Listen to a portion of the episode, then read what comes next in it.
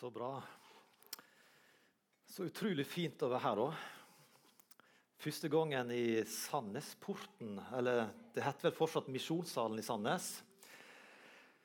Eh, gratulerer med et fantastisk eh, bygg. Dere er sikkert lei av at folk skal ta fram dette fine bygget hver gang de kommer på besøk for første gang. Men eh, for meg er det viktig å nevne det.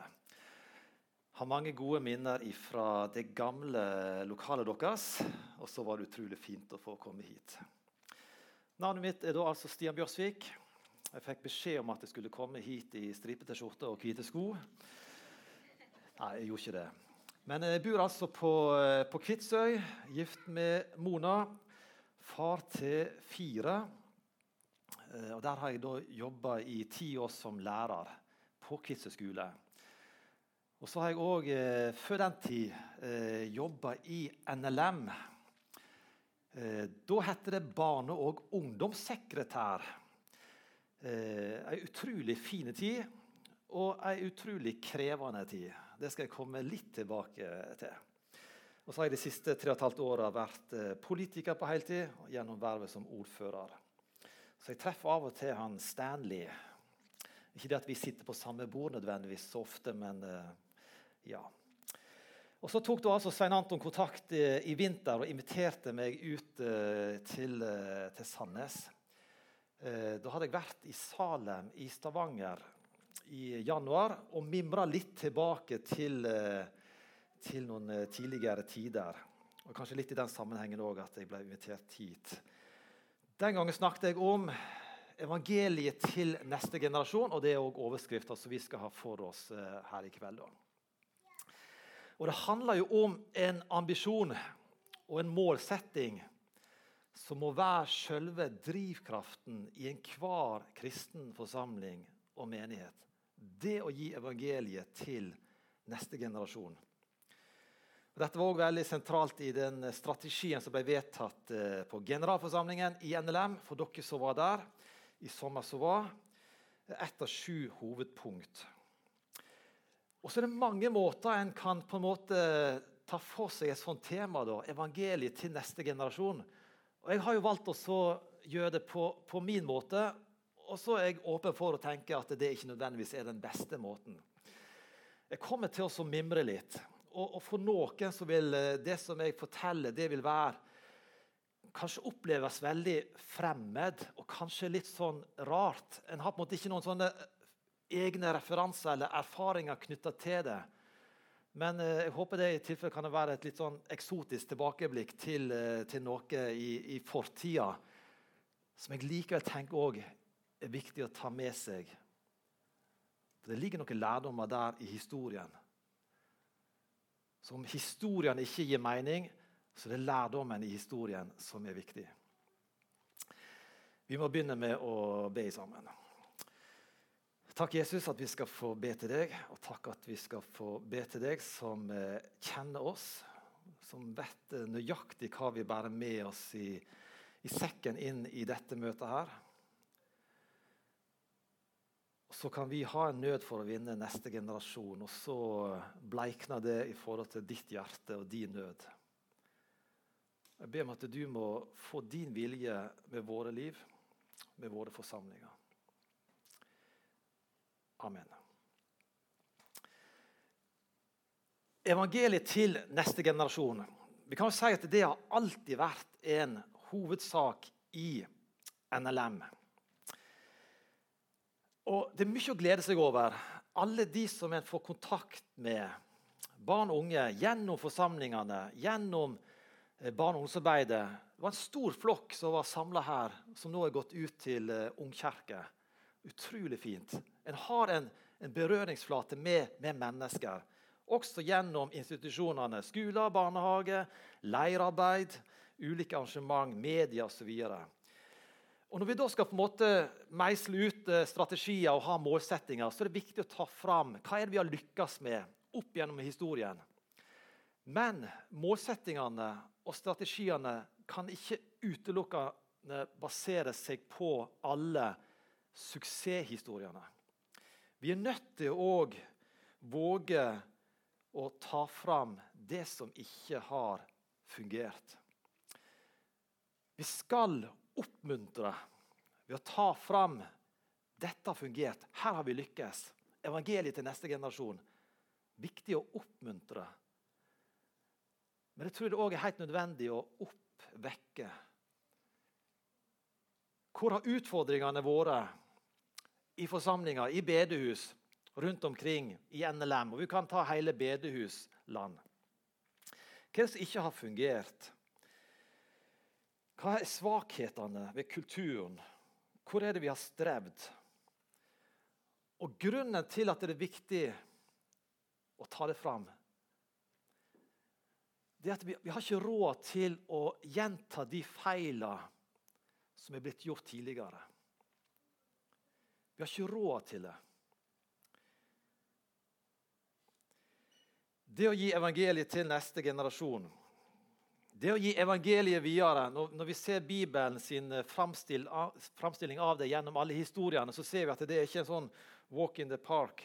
Altså, Jesus levde i ei tid der jødefolket var under romersk okkupasjon. og Det var et, et jernregime, og, og, menneskene var, de var sultefòra på at Gud skulle gripe inn. Det var en lengsel etter, der, etter endring og en vilje til å leve et annerledes liv. Og Det å, å forsake og det å sjøl være en del av den løsningen, det som en lengta etter. Og Derfor strømte folket ut i ødemarka til, til døperen Johannes og ble innviet til tjeneste. Derfor flokka de seg om Jesus. For var han denne som skulle på en måte sørge for at en fikk tatt et oppgjør med denne okkupasjonsmakta? Det var en, en tillit og en lengsel etter endring. Så kommer de da til Jesus, og så blir de møtt med orda. Om noen vil komme etter meg, da må han fornekte seg sjøl og hver dag ta sitt kors opp og følge meg. En lengsel etter endring. Men du verden, det ville koste. Nåden i Kristus den er gratis, men det kan koste alt å følge Jesus. Og så er Bibelen full av historier om enkeltmennesker som fikk oppleve akkurat det. At det koster å følge Jesus i et samfunn der ytringsfriheten og trosfriheten blir strupa. Med, med, brutale konsekvenser for den som våger å opponere mot de rammene og betingelsene som, som myndighetene, både de, de eh, offentlige, men òg religiøse myndighetene, definerer. Og Paulus hadde jo grepet dette. 'Jeg er korsfesta med Kristus'. Jeg lever ikke lenger sjøl. Han visste at dette kom til å koste. Jeg lever ikke lenger sjøl, men Kristus lever i meg. Og For Paulus så ble det bokstavelig torturert til døde. Og forfølgelse og det at det koster å følge Jesus, det er noe som òg preger 2023. Eh, og Vi går veldig fort ut forbi egne landegrenser når vi snakker om forfølgelse av kristne. og Det er rett når vi snakker om ekstrem forfølgelse, men jammen hardner det til òg i vårt eget land. Og Det tror vi er mange som kan nevne eksempler på. Det går også fram av undersøkelser som blir gjort. 91% det er et høyt tall. 91% av kristne studenter skjuler trua si. Det er ni av ti. Hver femte nordmann er skeptisk til kristne. Hvis du oppgir et, eh, et kristent verv eller en, en, kristen referanse på CV-en din når du søker jobb, så reduseres muligheten for å bli invitert inn eller innkalla til en intervju. Det er direkte ødeleggende for, for karrieren. 47% av nordmenn ville mislikt at et familiemedlem gifta seg med en pinsevenn. Jeg tror ikke at misjonssambandsfolk står høyere i kurs. Og Så ser vi det i det offentlige ordskiftet. Vi ser det i praktisk politikk. Vi ser at ytringsfriheten og trosfriheten og meningsfriheten Dette går dypt. Ikke bare det at du skal begrense eh, det du sier, men det du mener òg. Det blir skrenka inn på ulike måter. Og det koster å stå på et klassisk syn på skaperordningen, ekteskap og kjønn. Det koster å hevde at mennesket i utgangspunktet er fortapt og at Jesus er eneste veien til frelse. Og debattklimaet i landet vårt er blitt vesentlig forringa. Så den oppvoksende generasjonen, de som nå har gått ut til, til ungkirka, de går ei tøff tid i møte. Det skal vi vite, vi som er foreldre. De går ei tøff tid i møte. Og Dette er vi nødt til å ta med oss inn når vi skal snakke om strategier og målsettinger. Evangeliet til neste generasjon. Ja, Hvordan skal vi gjøre det? Hva vil omkostningene bli for de barna og ungdommene som kanskje reiser på leir på Holmavatn eller Utsyn. Så bærer de med seg ei tru i sekken hjem som krasjer med det som foreldrene står for. Hva kan omkostningene bli? Hva kan omkostningene bli for den unge lederen som står der overfor barna i et barnelag, overfor konfirmantene eller ei studentgruppe og ønsker å forkynne en hel bibel, som ønsker å være sannheten tru i kjærlighet, som ønsker å snakke sant om livet, omkostningene kan bli enorme. Det hardner til. Men det betyr ikke at vi skal være pessimistiske. Altså, vi er jo på lag med den sterkeste.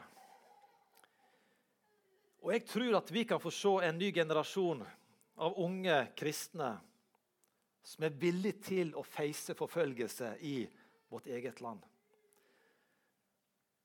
Som er mer modige og mer opp,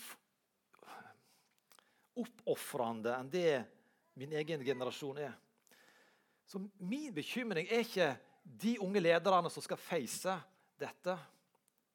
Bekymringen min er er vi i stand til å gi dem den oppbackingen og støtten som de trenger?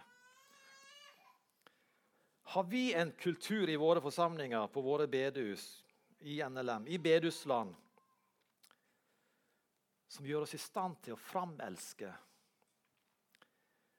og gi trygghet til nye ledere, som gjerne vil la seg innvie til tjeneste, som er villige til å, å ofre og forsake som ønsker å være en del av løsningen. Evner vi å gi dem tillit? Gir vi dem rom? Veileder vi? Gir vi dem en trygghet, en opplevelse av å være en del av et lag? De unge menneskene som vi skal sende ut i krigen.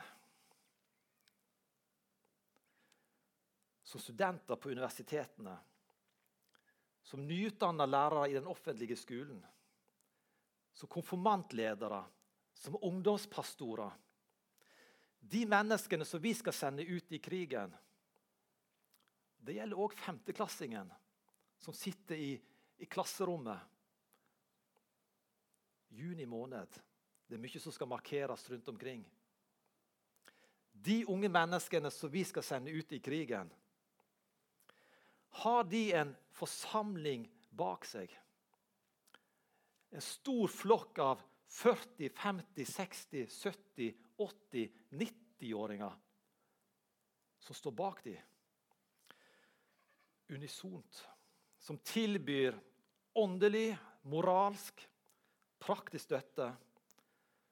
Som forstår, og som oppmuntrer, og som ber. Har de den støtten?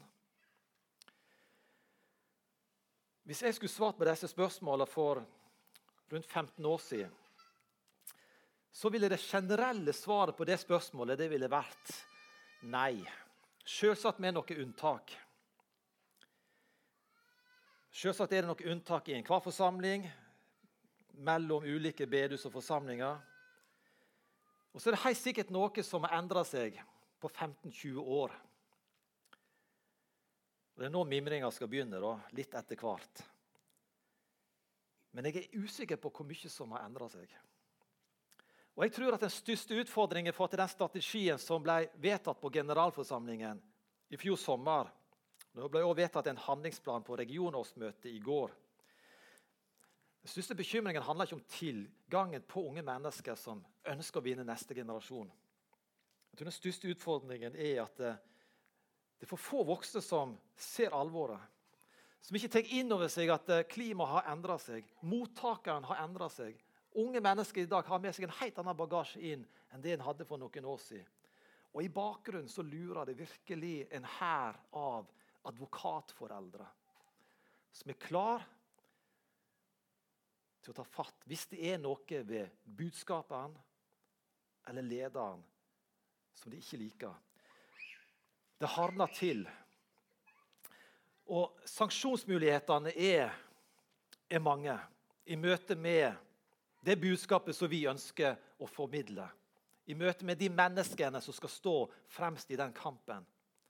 Kanselleringskulturen er på god vei inn i landet vårt. Én feil uttalelse kan gjøre at du er uønska, uaktuell, utstøtt. Overivrige kommunepolitikere de, de, de rasler med sablene. Der du tidligere fikk offentlige tilskuddsmidler, så kan du fort nå få et, et avslag på søknad og et stempel i panna. Du diskriminerer, du krenker. Poenget mitt med å tegne ja, et litt dystert bilde det er at de unge lederne som i 2023 og i åra framover De som nå er på Ungkirka, og som skal bære arbeidet videre, og som skal stå i arbeidet òg som ledere i dag De skal face dette. De skal kjempe en kamp der ute. Og Da må de samtidig få slippe å kjempe en meningsløs og energitappende kamp her inne. Og Det er det jeg tenker på når jeg sier at vi har ikke råd til å gjenta de feilene som ledere har gjort før oss. De feilene som vi garantert har gjort òg, vi som er her inne. For Det som er der ute, det som venter, det er så krevende å stå i. Det å stå i en dobbel front er vanskelig.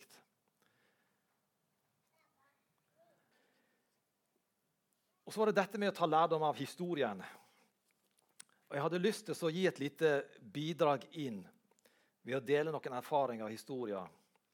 For I fem år så sto jeg som leder for barneomsorgsarbeidet for NLM i denne delen av landet. Og ville aldri vært de åra foruten. Utrolig spennende og utrolig givende. Jeg tipper det, det vil, Når jeg en dag blir pensjonist, vil jeg tenke at det var de fem åra der. Det var toppen av alt jeg fikk lov til å jobbe med som ansatt. Jeg hadde en sjef som viste full tillit og ga meg veldig fritt spillerom. Og det fikk han svi for, tror jeg. Og det ga noen utfordringer fordi han tok meg i Forsvaret. Og dette har jeg snakka med, med, han om. Men jeg har begynt altså i en stilling. Og, og for deg igjen, du som ikke kjenner til måtte, NLM og tenker Jesus er mye større enn NLM, heldigvis. Så ta dette som en litt sånn historie fra det litt sånn eksotiske fortida. Men for 20 år siden så fikk jeg eh, begynne i denne stillingen. Og Jeg fikk et veldig sånn høytidelig sånn kallsbrev med bibelvers. Og, og, dette hadde vi bedt over. og Vil du ta imot denne stillingen som barne- og ungdomssekretær i NLM Stavanger krets? Og Jeg takka ja til den stillingen. Det passa inn i der vi var som familie. Da og jeg hadde gift og hadde ei datter på ett år. Og I løpet av de månedene fra jeg takka ja til stillingen, til jeg begynte i jobben, så smalt det en sak i media. Fra det området der jeg skulle starte opp. Og Det ble skriverier i lokalpresse, i Dagen, i Vårt Land. Og det åpenbarte seg en tydelig og djup splittelse som jeg vet også at en merka godt inn i misjonssalen i Sandnes i den tida der. Så, så når jeg flytta til, til, Stavanger, så merka jeg en enorm forskjell i måten folk møtte meg på. Og Det gjaldt både ansatte, det gjaldt forkynnere, og det, det var misjonsledere. Og til og med merka jeg at det var sikkert noen foreldre som hadde kviska et eller annet i ørene til de, de ungdommene jeg òg møtte. En enormt stor forskjell i måten å bli møtt på. Der noen nærmest sugde meg inn. og Det kunne ikke bli flott og fint nok. Ville ha kontakt og ville snakke og inviterte til fellesskap. Så merka jeg at andre holdt en, en uh, merkverdig avstand. Eh, jeg husker jeg tok kona og, og, og dattera mi med på en sånn arbeidersamling. Der skal jeg få lov til å møte mine nye kolleger for første gang. Jeg tror Svein Anton òg var med på den. Og jeg kjente på en måte hvordan det var, det var et eller annet som trøkka i, i forsamlingen. Så når vi, når vi reiste hjem etter den helga, tenkte vi takk og lov at nå fikk vi reise hjem. Det var en spenning der som var til å ta og føle på. Og Det hadde vært mye diskusjon rundt uh, ungdommens landsmøte, eller UL, og sang og musikk. Og Så var det òg et eget vedtak som gikk på dette med virkemidler. Altså, hva, hva, har du lov til å gjøre egentlig i et ungdomsarbeid? Og Det var et, et, et vedtak da som jeg måtte forholde meg til, om at uh, en kunne ikke bruke drama og dans. Og Så var det et eller annet som sto om lys. Du kunne bruke farga lys for å lyssette en scene, men du kunne ikke bruke lysa hvis det var blinkende lys. Jeg havna midt inn i en debatt og var sjanseløs. Eller når jeg skal unnskylde meg sjøl, sier jeg at jeg var sjanseløs. Egentlig så var ikke jeg det. Jeg kunne spilt kortene mine bedre. Men jeg opplevde at jeg var plassert i bås før jeg hadde hatt min første arbeidsdag. For jeg kom jo tross alt fra Oslo, der utviklingen hadde gått lengst. Enten det var i feil eller rett retning, alt etter hvem du spurte. Så det var på en måte en litt sånn surrealistisk opplevelse. Da, da var jeg eh, 27 år og skulle ha min første jobb. Og Det å på en måte føle at du var elska og hata av folk som ikke du kjente. Fordi det var sånne enorme spenninger der. Men jeg var jo nødt til å ta de initiativene og de mulighetene som åpenbarte seg. Eh, en del dører var allerede stengt, og så bidro jeg sikkert til å stenge noen andre dører. Jeg tipper for at det var noen som lukka døra da jeg engasjerte meg i noe som ble kalt for regaze. Jeg vet ikke om det er noen her som husker regaze for noen år siden. Det var jo selvsagt noe som kom fra Oslo. Og Det var noen ivrige ungdomsledere som ville ha dette òg til eh, vår del av eh, kanten. Da var jo Svein Anton han var jo ungdomsleder i Salem i Stavanger og var med å stå i bresjen for dette. Aslak Tveita på Klepp. Og Det toppa seg da vi skulle ha rett og slett rockekonsert i Salem med et kristent band som heter Aerobirds. Hvis noen har sett eh, Trygve Skaug på fjernsyn, han var frontfigur i dette bandet. De fikk vel noen vennlige råd om å prøve å holde litt igjen, men eh, ja. Og På bakerste benk så satt det to utsendte eller utskremte representanter fra kretsledelsen. Jeg er litt usikker på om vi, om vi ville arrangert den konserten på ny. Uansett, Jeg mottok min dose av fargerike e-poster fra bekymra misjonsledere som eh, jeg aldri hadde hilst på, men som serverte noen friske, grove åndelige karakteristikker over hvordan det sto til. Og Så forsvant disse restriksjonene i ungdomsarbeidet, dette med drama og dans osv. Det forsvant litt naturlig. da Lovene skulle revideres. og Det som har vært interessant å se,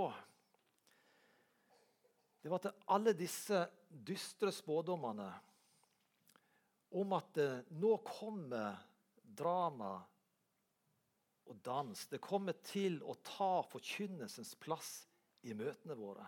Forkynnelsen kommer til å bli tona ned. Det kommer til å bli underholdning. De dystre spådommene de har ikke slått til. De mange, og jeg mener det var mange, de mange lederne som gjorde kampen mot drama og dans til sin fremste kampsak De tok feil. Og da er det et tankekors. Hvor mange unge ledere mista vi på veien? Hvor mange mennesker ble satt ut av spill De blir sverta fordi de vågde å heve stemmen i en diskusjon. Men de ble satt ut av spill. Fordi det som skulle vært en helt saklig diskusjon om bruk av virkemidler i et ungdomsarbeid,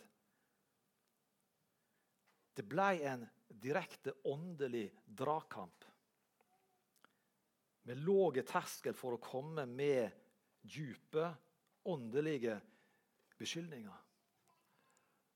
Og Jeg tror det sitter en god del mennesker rundt omkring i forsamlinger i denne delen av landet som bærer på dype sår fra den tida der.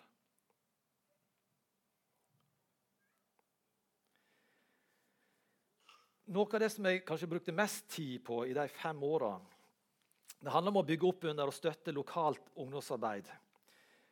Eh, og Jeg fikk jobbe sammen med noen utrolig fine folk. Unge mennesker som, som brant for Jesus. og som De telte ikke timer, men de investerte enormt med tid. På det meste hadde vi en 10-12 ungdomsarbeidere som jobba, noen i forsamlinger, noen var fordelt i de ulike områdene.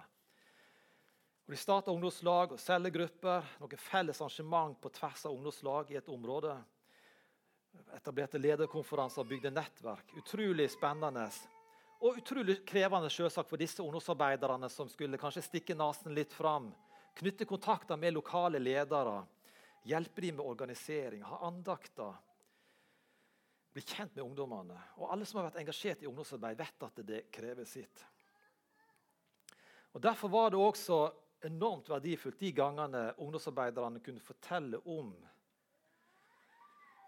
om voksne NLM-ere som virkelig omfavna dem. Som ble med som voksenledere, som bidro med matlaging, som gikk inn som forbedrere og som oppmuntra. Og Det er jo sånn det skal være.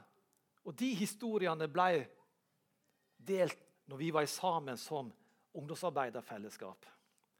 Det ble delt historier òg fra misjonssalen i Sandnes. Noen enkeltmennesker som betyr alt for et ungdomsarbeid. Og Jeg fikk se det òg med egne øyne hver gang jeg setter mine føtter i Langgata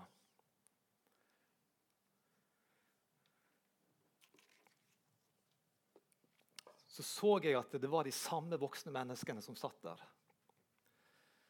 De satt bak i, i bønnekroken. Og hva det har betydd for det som er her i dag Jeg tror det har betydd enormt. Noen enkeltmennesker som ikke bare snakka om at ungdomsarbeid er viktig, men de hadde en brann på innsida. De visste hva de skulle bruke den kvelden i veka til. De kjente sin plass. Så de historiene ble delt. Og I mitt hode har jeg fortsatt i bakhodet lagra noen navn noen personer. Jeg har ikke møtt dem på kanskje 15-20 år. Men det er noen navn der som ble fortalt, som ble satt ord på. Disse betyr alt for oss. Og så ble det delt utallige historier om støtte som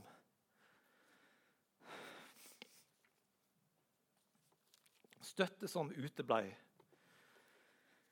Sentrale ledere på bedehusene som virka å være likegyldige og skeptiske til de initiativene som ble tatt. For ikke snakke om alle de gangene kritikken kom. Alle de uttalte forventningene, kravene, ønskene, suksessfaktorene som ungdomsarbeiderne og lederne ikke klarte å leve opp til. Mistilliten som lå der og så ulma, uten at det nødvendigvis ble satt, satt ord på. Er dette egentlig et arbeid som bygger Guds rike? Føres egentlig folk vil? Og all kritikken som ble målbåret fordi musikken var feil, Sangene var feil. Talene var feil. Temaet var feil. Det var for lite fokus på NLM som organisasjon. Det var feil hvis det ikke ble innmeldt i NLM. For noen ble det feil å samarbeide med Nordmisjon, med IMF. IMI vågde ikke vi å snakke om. Og Jeg glemmer aldri den gangen vi skulle ha et arrangement i, i Agder-biten av, av, det som da var Stavanger krets. Der hadde vi etablert kontakt med en del eh, unge, unge ledere som var rundt omkring på forskjellige ungdomslag. Og Av og til så hører en uttrykket fra litt eldre at vi må, vi må rake glørne i sammen, for da får du på en måte en, en større kraft. Og dette ønsker vi å gjøre med disse ungdomslagene. Prøve å få til noe arrangement på fellesen. Og dette tente de på og ble engasjert og ivrige. Hvor skal du da, når du vet at du har fått en beskjed Hvordan klarer du å formidle denne beskjeden? Beklager, men bedehuset ble faktisk stengt for oss. Den lokale NLM-ledelsen likte ikke profilen, hadde ikke tillit. Så vi fikk ikke låne huset. Da var ikke det snakk om noe voldsomt arrangement. Vi fikk heldigvis lov til å leie menighetshuset som lå rett på sida. Men det jeg satt igjen med, det var at eh, kjærligheten til bedehuskulturen Den rette måten å gjøre det på oversteg kjærligheten til de unge menneskene som en forsøkte å etablere kontakt med. Tilliten til egen evne til å dømme noe på avstand, hvordan det står til, oversteg tilliten til de unge menneskene som hadde stått i et arbeid i mange år. Og Når det kommer til stykket, disse historiene er i seg sjøl uviktige. Men jeg tror det er nødvendig å noen ganger ta et blikk bak i historien. Og nå har det gått for min del det gått 15-20 år, så nå våger jeg å begynne å snakke om det òg fra talerstolen. Men jeg tror det er noe i historien. Og, og Hver forsamling har sin historie, sine eksempler. Vi må våge å sette ord på de fortellingene. Vi må våge å gjøre det for å trekke ut lærdommen. Jeg vil aldri få de samme utfordringene tilbake i samme form. Men den får utfordringen likevel tilbake i ei anna drakt. Og Jeg tror f.eks. at eh, en for stor forkjærlighet til bedeskulturen, forsamlingskulturen, den måten vi driver menighet på En for stor forkjærlighet gjør det vanskeligere å vinne neste generasjon. Og Jeg tror at vi kun kan klare å framelske og ta vare på nye unge ledere dersom vi unisont Og alle vet hvordan det fungerer i en forsamling. Hvis alle synger den samme melodien, og så har du ett menneske som synger sin egen melodi. Det er ikke unisont.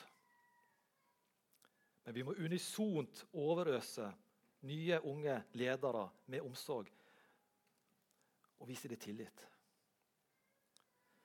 Og Jeg er sikker på at det fins en rekke unge mennesker rundt omkring i våre forsamlinger og på våre bedehus.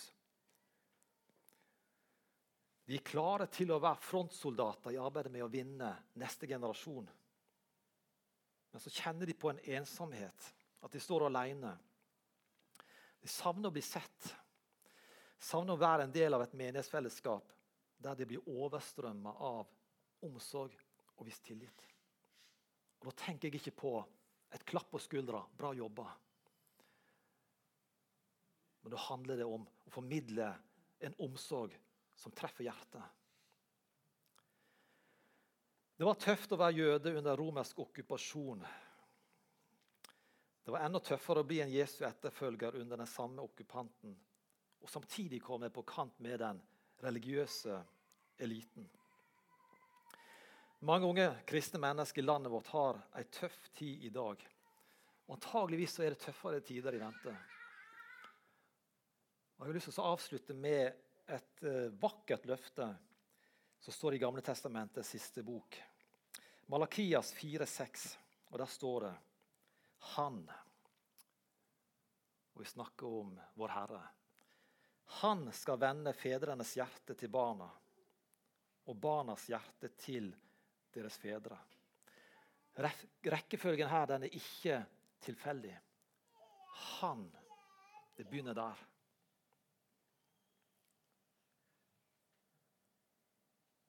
Det er et løfte. Jeg tror vi trenger oss å minne Gud på det løftet. Dette skal han gjøre. Dette må han gjøre. Dette trenger vår forsamling at han gjør. Jeg har lyst til å avslutte med å gjøre det løftet til ei bønn.